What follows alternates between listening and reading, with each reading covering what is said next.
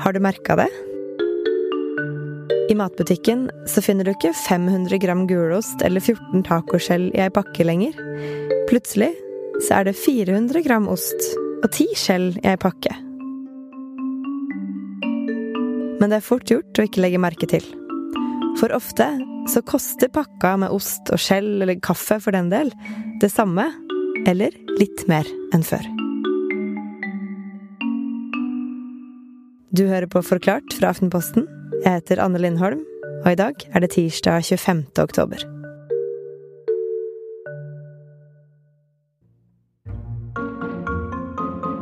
Krympflasjon eh, er jo egentlig bare sammensatt av ordene krympe og inflasjon. Eh, og du kan jo tenke at eh, hvis man skal sette opp prisen på en vare, så kan man gjøre det på to måter. Man kan jo enten øke prisen på selve varen. Da blir jo prislappen på en måte høyere. Eller så kan man eh, gjøre det sånn at eh, du får mindre vare til akkurat samme pris som før. Og da blir jo f.eks. kiloprisen dyrere, da.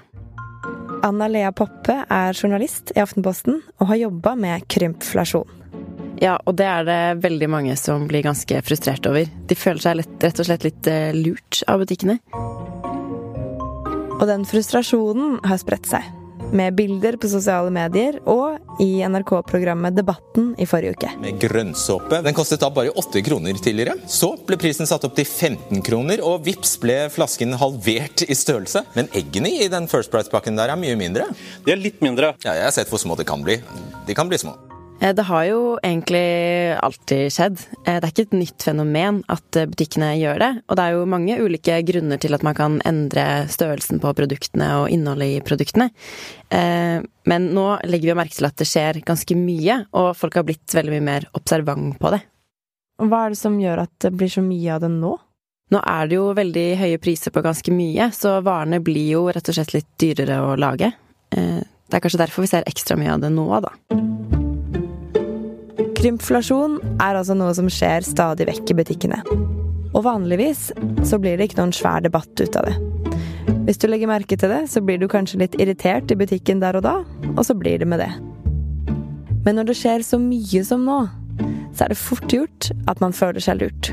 Jeg har jo snakket med noen eksperter som mener at det særlig er tre grunner til at eh, folk lett lar seg lure.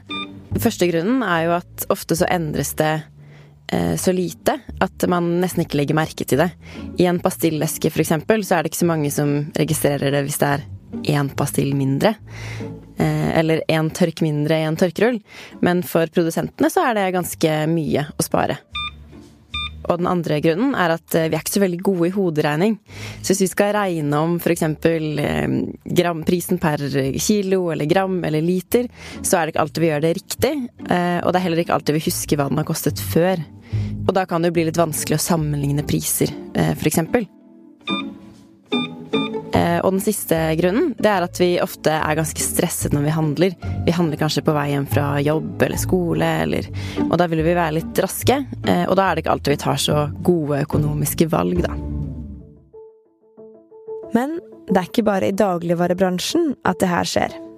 For har du kjent på ei billig T-skjorte i det siste? Eller kanskje sett rett igjennom den?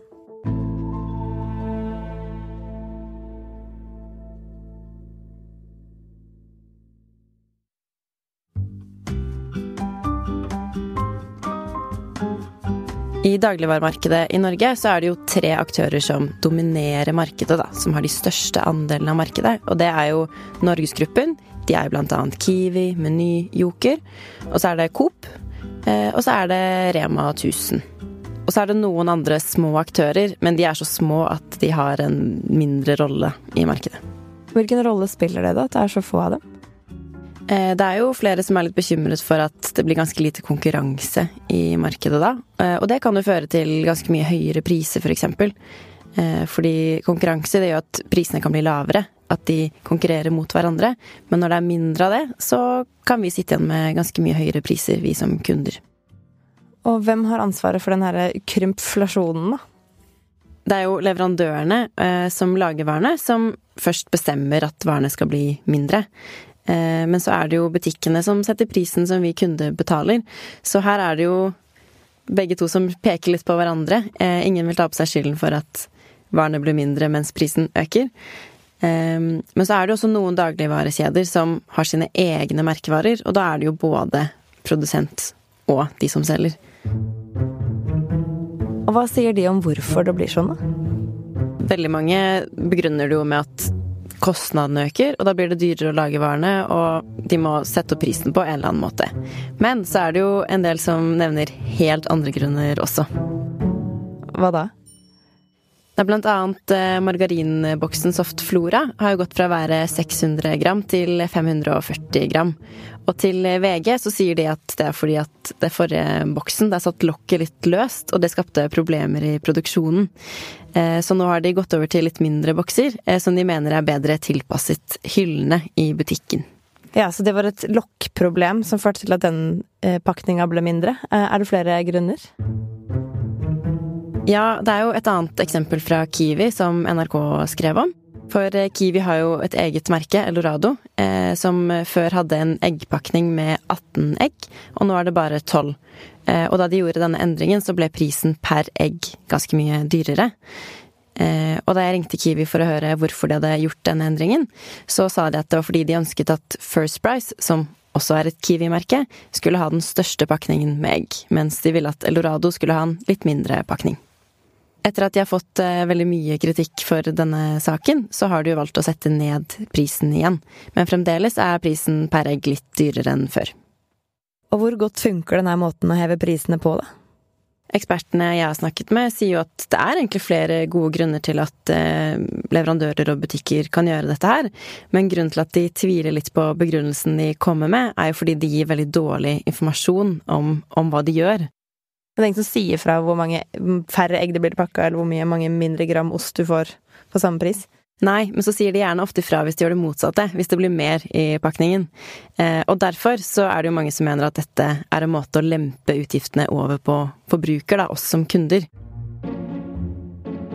Når Statistisk sentralbyrå regner ut hvor mye penger vi bruker på forskjellige ting her i Norge, så tar de ofte utgangspunkt i en gjennomsnittsfamilie eller husholdning. Og der er det jo forskjell på om du er student og bor i kollektiv, om du er gift og har huslån og to barn, eller om du er aleneforsørger for fire katter. Men i den gjennomsnittsfamilien så er det sånn at de bruker litt over en tiendedel av alt de handler for, altså 12% på matvarer og alkoholfri drikke. Og den andelen har gått mye ned de siste ti åra, så vi bruker relativt sett mindre av pengene våre på mat nå enn før. Nå går det mest til bolig, så transport, og også en del til kulturopplevelser og restaurantbesøk.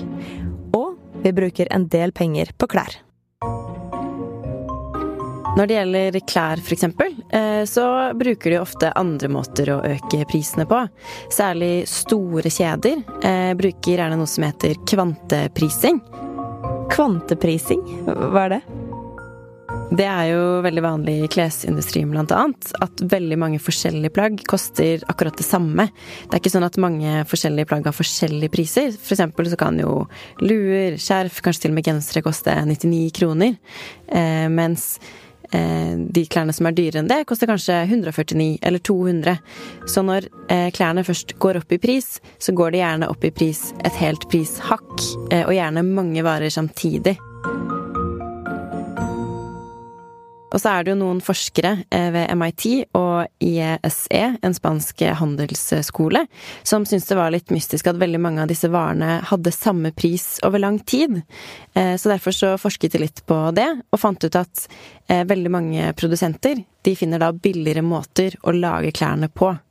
Og det kan jo f.eks. være ved å kutte kostnader mange steder, men ofte så går det da utover kvaliteten, da, at de f.eks. bruker billigere tekstiler. Ja, så nesten litt sånn krymflasjon, da. T-skjorta blir tynnere, men koster det samme. Ja, fordi den koster jo det samme, men er av dårligere kvalitet, så på en måte så øker prisene likevel. Og det er jo så mange ting som blir dyrere nå, eller sniker seg dyrere med krymflasjon. Eh, er det noen tegn til at det kommer til å gi seg snart? Nei, det er egentlig ikke det. Eh, det har jo allerede holdt på i mange år, og det er ingen grunn til å tro at det kommer til å skje noe mindre av det i fremtiden. Men så er det jo flere som har satt ned prisene nå etter å ha fått mye kritikk, så det tyder jo på at det kan jo uansett være lurt å si ifra hvis man legger merke til sånne prisendringer man ikke liker. Mm. Og takk for at du var med i Forklart, Anna Lea. Men eh, kan du si krympflasjon ti ganger fort etter hverandre? Krympflasjon. Krympflasjon. Fortere. Krympflasjon, krympflasjon, krympflasjon. Ok.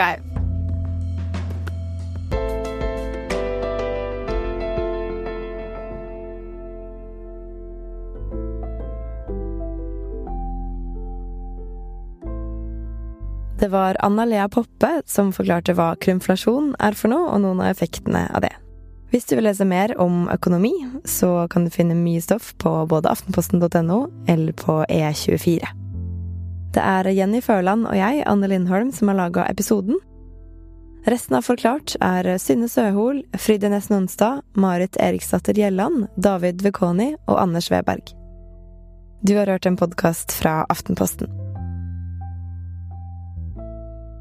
Æsj, øh. Sa det barnet som fikk sjokk da jeg svarte at eh, jeg, 40-ish, ikke har hatt sex for siste gang i dette livet. Nei, og man bør angre på at man spurte. Ja, eh, Og du spurte kanskje ikke om det, du heller, kjære lytter. Men ukas 40-ish handler om sex og samliv. Ja, eller snakk for deg sjøl, Marte. Ja, det kan jo hende jeg snakker om mange. Uansett, sex og samliv, og singelliv også, det er viktig når man er 40-ish. Eh, hvordan leverer vi egentlig her? Mm, Jeg regner med at du har sjekka ut. Ja, og du kan høre hvordan midtlivet står seg i disse spørsmålene i ukas episode av 40-ish. Og så er det også sånn, kjære lytter, at det å lage godt innhold, det koster. Alle Aftenpostens podkaster er inkludert i abonnementet for deg som abonnerer på Aftenposten. Vil du i tillegg høre alle Skipsteds podkaster i Podmy, kan du oppgradere abonnementet ditt til full tilgang på ap.no podmy.